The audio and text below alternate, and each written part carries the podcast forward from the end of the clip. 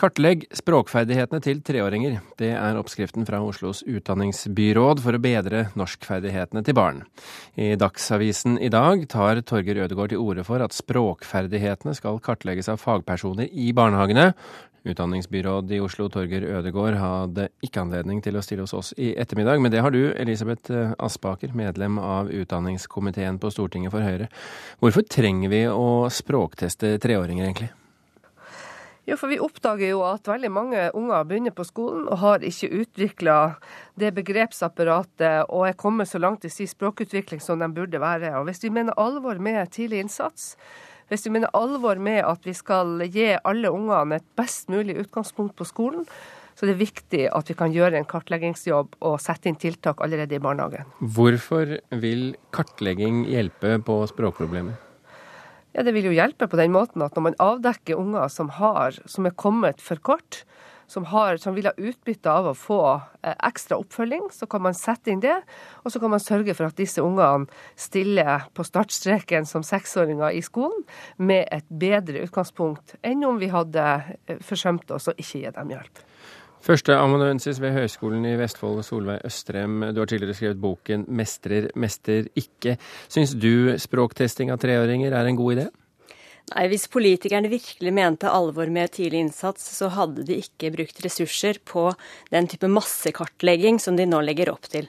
For det er klart at hvis man ønsker å vurdere språket hos enkelte barn, så, er, så, vet man nok om disse verktøyene til at de er veldig veldig upresise. Og Hvis man også hadde kunnskap om barns normale utvikling, så ville man også visst at det er et veldig stort spenn i hva som er normalt. Det som skjer når man setter i gang med den type massekartlegging som man her ønsker, det er at man skaper en veldig veldig trang mal for hva som er et normalt barn. Derfor har vi også gitt titlen, boka vår tittelen 'Mestrer, mestrer ikke jakten på på det normale barnet. Der vi har gått inn og sett på de mest brukte kartleggingsverktøyene, og ser at enten man ønsker å måle språk eller matematikk eller sosial kompetanse, så lager man noen eh, bygger man på en idé om et normalbarn som er veldig, veldig langt unna det som er, eh, det som er, det som er vanlige barn.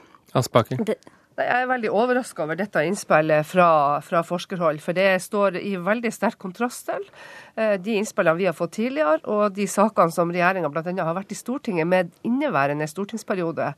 Hvor det er eh, si, bevist altså, at det er viktig å sette inn tiltak også før ungene begynner på skolen, når vi ser at det er behov for det. Men, men trenger, eh, du, og, og, trenger man å kartlegge alle for å hjelpe de som trenger det? Eh, jeg tror vel at eh, altså Stortinget ba jo om at man måtte lage, få utarbeidet hensiktsmessige kartleggingsverktøy. Og så hører jeg at forskeren sier at de, de, vi har i dag, er ikke gode nok. Nei, da må vi gjøre noe med disse kartleggingsverktøyene.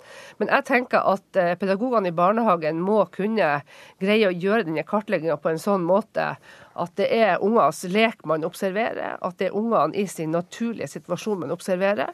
Og så må man allikevel kunne vie alle ungene oppmerksomhet, for deretter å kunne avgjøre hva slags unger som trenger ekstra oppfølging. Problemet er at det er ingen barn som får hjelp av å bli kartlagt. Det, kartlegging er ikke et tiltak. Kartlegging er en måte å måle barn på, som måler det som kan måles, og, og, ikke det som er viktig. Nei, men Det har forskeren helt rett i. og Derfor så var Stortinget også klinke klar på én ting.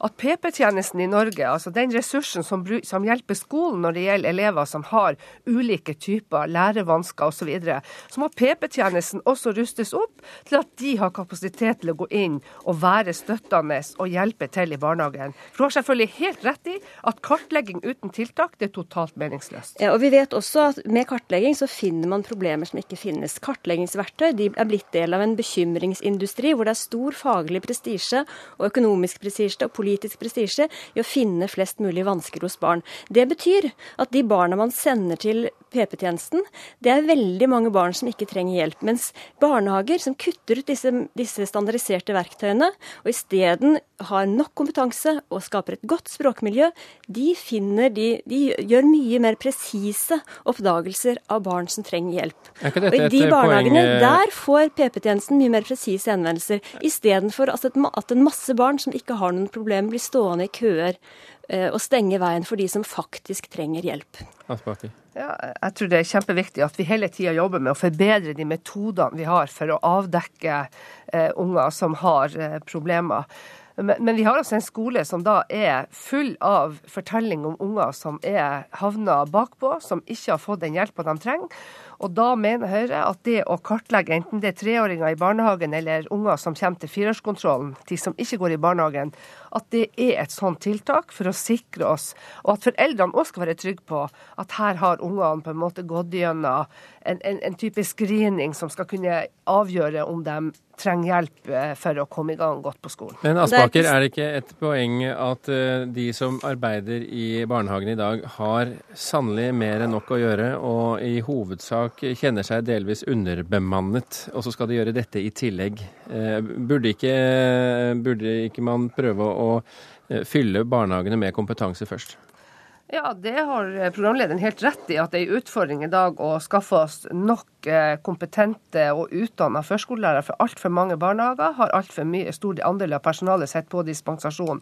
Men jeg vil si at en av de viktigste oppgavene barnehagen har, må også være å sørge for at ungene ungenes språkutvikling er sånn at de har forutsetning både for å være, være, en del av barneflokken. Vi har også forskere som sier at mobbing er et fenomen allerede i barnehagene. Sånn at her må vi på en måte greie å ha to tanker i hodet samtidig og se at det ene kan være med på å bygge opp under senere suksess for unger som måtte ha problemer som da blir avdekka i barnehagen. Dette er du vel ikke uenig i, Østrem? Nei, men her er det en sammenblanding av veldig mange ting. Det er klart noe er det Alle vil at barn skal ha et godt liv i barnehagen. Problemet er at, at, at man blander inn massekartlegging, som, eller screening som det kalles her, som en type hjelp for barn. Og, vi, og, og og det er, eh, det er, kompetanse som skal til. Det er nok pedagogisk eh, bemanning. Eh, det som, det som er i Oslo-kommunen, Oslo-barnehagen, er jo også at man blander sammen språkvansker, lærevansker, med minoritetsspråklighet. Man har masse minoritetsspråklige barn som ikke kan norsk, og så tenker man at spesialpedagogiske tiltak er det som skal til. Men det er jo faktisk noe helt annet. Sånn at man blander man, Kartlegging, det blir det blir en type svar som høres fint ut, men som ikke har noen ting med å hjelpe barn å gjøre.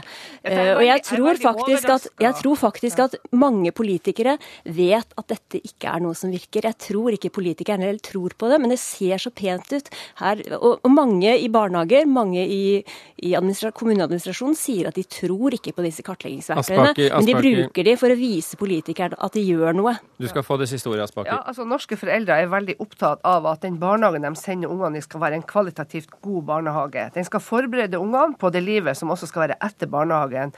Fra Høyres side så mener vi at noe av det viktigste vi da kan gjøre, er også å tenke skoleforberedelser. Og Da er språk og språkutvikling viktig.